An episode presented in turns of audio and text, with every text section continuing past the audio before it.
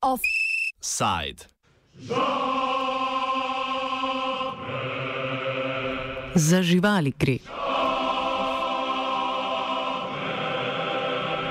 Začenja se obdobje akcij prenašanja žab čez ceste. Te se namreč spomladi začnejo seliti iz kopenskih prezimovališč do voda, kamor lahko odložijo mrest. To je čas, ko mnogo žab konča pod kolesi avtomobilov. Pogovarjamo se z Zalo Prevoršek iz Društva Žverca, ki organizira akcije prenašanja žab po vsej Sloveniji. Koliko časa, oziroma odkdaj se po Sloveniji že organizirajo takšne akcije? Um, ja, mi v Društvu Žverca smo uh, s to akcijo v Hrašah pri Smledniku začeli leta 2008. Bilo je zelo samo inicijativno in sicer zaradi tega, ker je bilo tam ogromno povoženih dvoživk in smo se pač trije iz društva odločili, da to začnemo. Potem se pa zadeva na tej lokaciji zelo hitro razvijala. Veliko prostovoljcev je bilo zainteresiranih. Uh, hkrati smo uh, postavili spletno stran pomagajmo-zabicam.si, uh, z leti vnašali vedno več teh uh, lokacij gor, kjer prostovoljci lahko pomagajo, kjer so organizirane akcije, pač tudi lokacije, kjer ni organiziranih akcij, ampak množično se to dogaja predvsem v zadnjih par letih. Uh, ljudje so pripravljeni pomagati in uh, se odzivajo, tako da se vsako leto uh, ukvarjamo s temi akcijami v spomladanskem času. Mhm. Kako pa bi bilo mogoče reševati težavo dvoživka na bolj sistemski ravni, oziroma obstaja kakšna politična volja tudi za to? Joj, ne, ne, ne obstaja. Uh, v bistvu je tako, no, zadevo štata zelo, kljub temu, da imaš zelo veliko energije, pa volje in zelo pač, optimistično zaštartaš zadevo, se pogovarjaš z zavodi za varstvo narave, s temi lokalnimi oblastmi. Uh, In si na, na začetku se še zelo optimističen, pol po enih 12-13 letih pa moram priznati, da tudi najbolj optimističnemu človeku malo po domače povedano pade dol, ker se zadeva pač ne premakne. Ne. Zdaj to, da se žabe prenaša čez, čez cesto, vam je itak lahko jasno, da to neka dolgoročna rešitev ni. In, um, tudi ljudje pol, po več letih, se mi zdi vsaj v hrašah, to opažamo, pač ljudem. Uh, zmanjka volje, nekaj vidiš, da se nikamor zadeva ne predstavlja. Tako da lansko leto se in na naši spletni strani tu piše, smo mi vsaj za to lokacijo dali ven objavo, da pač organizirane akcije ne bo več, zdaj pa tega dovolj. Zdaj pa uh, morajo inštitucije, ki za to pač obstajajo, kjer so ljudje za to zaposleni, gor mečken morajo začeti migati. In moram tudi povedati, da se je dejansko nekaj premaknilo, da smo mi lansko leto imeli več ogledov v Hrašah, same lokacije, bili so uh, ljudje, strokovnjaki iz uh, direkcije uh, za ceste, če se prav spomnim, in tudi Zavoda za varstvo narave, in da naj bi se zdaj to projektna dokumentacija začela delati, premikati, upajmo, da gre kaj v, v to smerno. Uh, zdaj letos bo zadeva potekala vsaj na um, tej naši lokaciji isto kalani, se pravi, ne bomo več postavljali zaščitnih ograj, ker to, da ti postaviš začitno ograjo, pomeni, da mora biti večer, vsak večer nekdo na lokaciji. Ne? Če ne, um, mi postavimo tiste zaščitne ograje, če ni prostovoljcev, žabam delamo samo škodo. Jaz sem pač ugotovila, da sama s tremi otroki ne morem vsak večer tam dežurati. Prostovoljcev nam pa letos, mislim, nam je v zadnjih letih primankvala. Ljudje so malo voljo izgubili. Tako da ja, na sistemski ravni, seveda, to ste me vprašala. Um, seveda podhodi, to bi mogle inštitucije reševati, uh, kot je omenjeno, zavodi za varstvo narave. Tudi uh, občine bi mogle mečken uh, delati v tej smeri. Lep primer uh, se ga zdaj le spomnim, je rova pri radomljah. Uh, so se par let ukvarjali s prenašanjem doživk čez cesto, tako kot mi, potem so pa prostovoljci v sodelovanju z občino uh, um, pripravili projekt, uh, občina zgradila podhode in lokacija je pač uh, zdaj veliko bolj urejena, kot je bila prej. To se mi zdi nek tak normalen potek uh, reševanja take problematike. Se pravi, računaš, da v enih parih letih, recimo petih, osmih letih, se nihče ne misli, da bo to v enem letu, ampak v parih letih, da pa se nekam uh, zadeva prestavno. Ampak je pa zaenkrat pri nas nasplošno zelo malo posluha za reševanje te, reševanje te problematike. Moram pa še to povedati, um, da mi opažamo na naši lokaciji in tudi na sorodnih tle okrog, na Gorenskem recimo, uh, nam ljudje sporočajo, da je dvoživk skozi manj. Se pravi, vsako leto, kljub temu, da jih mi prenašamo čez, je dvoživk manj, število upada. Uh -huh. uh, kako pa bi to lahko razložili? Ja, zdaj ali je, mislim, ne, to je zelo težko brez nekih uh, točnih raziskav, ampak ne, glede na to, da mi jim pomagamo čez cesto in v bistvu skoraj vse, recimo vsaj 80 posto, da jih uh, na tisti v hrašah lahko rečem prenesemo čez, um, pa kljub temu je dvoživk skozi manj, ker mi smo jih štela, kar smo nesel čez. Zdaj, v čem je problem? Problem je v tem, da je skozi bolj unesnaženo.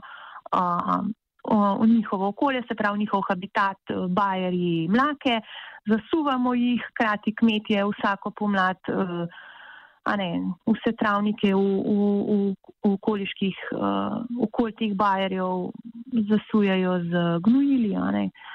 Um, ne vem, poletja, zime so skozi bolj čudne, poletja so bila suha, zime so bile ali ful kratke, kar je pomenilo, da so začele dvoživke prezgodaj ven mesta in pa spet mraz pritisnil.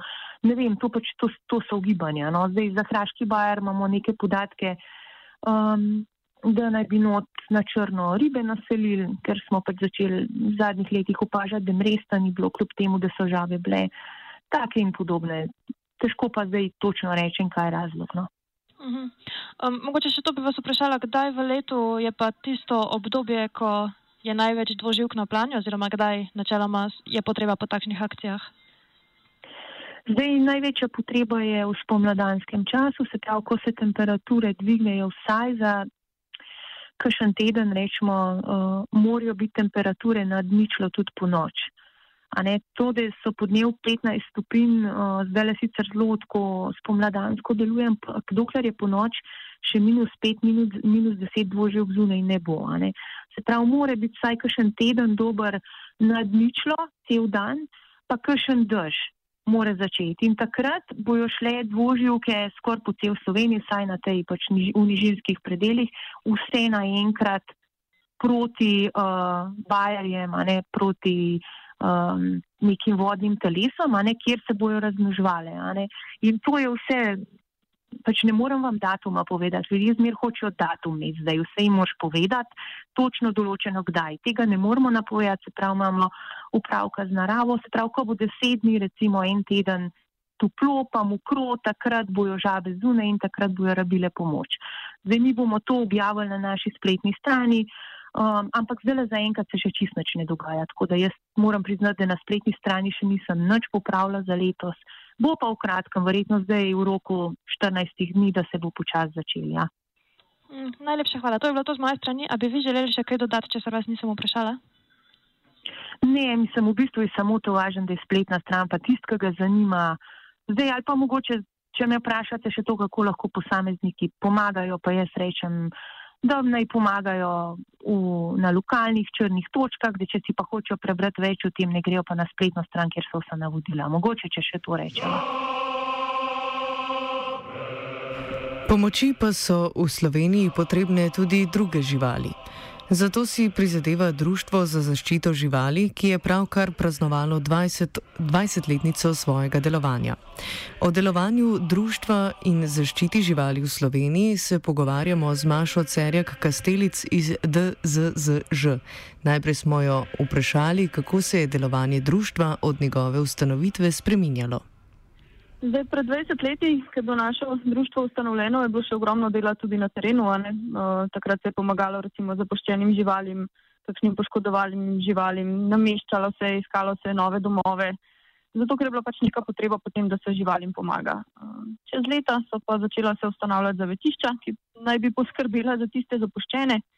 V našem društvu pa smo se pričeli usmerjati predvsem v izobraževanje, v osveščanje, v to, da učimo da so tudi živali čuteča bitja, da imajo različne potrebe in da je v bistvu fair od nas, ne, da za njih primerno poskrbimo, tako da se čim bolj spočutijo. Ureda, kako, eh, kateri so pa vaši najvidnejši uspehi v zadnjih 20 letih? Tega se je nabralo kar nekaj. Sodelovali smo tudi pri ustanavljanju nekaj različnih zavetišč za živali, sicer pa ne tako dolgo nazaj smo v Evropi sodelovali v mednarodni koaliciji, kjer smo dosegli prepoved testiranj na živalih za kozmetične namene. Tako da to se nam je zdel kar velik korak naprej. Sicer v lanskem letu ena od naših večjih akcij je bila Imaš jajca, kjer smo spodbujali eh, potrošnike, da kupujejo jajca iz kokošin bolj prijazne reje, se pravi ne iz tiste baterijske, ki je res najslabša za dobrobit živali, ampak eh, katerekoli druge, ki je kakorkoli boljša za kokoši, a ne ki nesejo. Tako da to je bila ena od večjih, ker je več kot 15 tisoč ljudi podpisalo peticijo, da se s tem strinjajo, ne, da je tudi življenje kokoši seveda pomembno, čeprav nesejo jajca za nas, pa tudi kar nekaj trgovcev se je zavezalo k temu, da bodo začeli prodajati pač izdelke, ki so živalim bolj prijazni. Kje pa še vidite neke možnosti za izboljšavo, kaj bi bilo še potrebno spremeniti? Uh, vsekakor mi zakonodaj niti nimamo tako zelo slabe, ne, ampak bi jo bilo potrebno izvajati. Se pravi, tisto, kar um, je prepovedano, bi ljudje morali nekaj delati oziroma bi moral biti nadzor nad tem, ali ste ta zakonodaj res izvajali. Ne, ampak na koncu nekako pridemo do odnosa ljudi do živali. Se pravi, več kot nas bo razumelo, da so živa bitja, da čutijo, da jih je lahko strah, da jih lahko zebe in da moramo za njih primerno poskrbeti. Uh, mislim, da bo svet tudi za živali malenkost boljši. Kako pa ocenjujete stanje zaščite živali v Sloveniji v primerjavi z drugimi državami? Naprimer, omenili ste, da zakonodaja uh, je načeloma v redu, samo da se jo morali ljudje držati. Mogoče, um, kakšno, je tukaj, kakšno je tukaj stanje inšpekcije oziroma kako se um, kako se izvaja nadzor nad tem, nad izvajanjem zakonodaje? Zdaj, mi verjamemo, da nadzora je premalo, a ne tudi kaznovanja je premalo, da bi bilo treba mačkam bolj pogledati v prijave, v to, da ljudje zaznajo neko neprimerno ravnanje, da ga prijavijo pristojnim, včasih potem kar čakamo na tiste ukrepe, ki bi morali slediti. Um, je pa drugače zelo različno. Nekatere države imajo bistveno slabšo kot pri nas, imajo recimo tudi prosto živeče pse, ki jih pri nas ne poznamo. V nekaterih državah, recimo bolj na severu Evrope, pa praktično zavetišč ne poznajo oziroma ne potrebujejo, ker um, ni zapoščenih živali. Odnos ljudi je toliko drugačen, se bolj zavedajo tega, da živali so le um, pomemben del našega življenja in da jih ne moramo kar vse povprek zapuščati. Uh, omenili ste zavetišča, no? lahko mogoče podrobneje opišete delovanje zavetišč za živali v Sloveniji, pa kako se to razlikuje od zavetišča v drugih državah. Zdaj zavetišča v Sloveniji delujejo na različne načine, ne? sicer pa ne bi bila vsa financirana strani občin. Se pravi, če najdemo mi neko zapoščeno žival, pokličemo v zavetišče, ki je pristojno za tisto občino, kjer smo žival našli in potem naj bi občina pokrila 30 dni osnovnih stroškov za to žival. Ne? Da v tem času se poišče starega lastnika, če ga je možno najti oziroma potem iščemo pač novega. Je pa res, da živali pogosto ostajajo v zavetiščih bistveno dlje kot 30 dni, ne? takrat je pa potrebno iskati druga finančna sredstva, da lahko mi te živali pač živimo še ta čas, dokler ne najdejo novih lastnikov.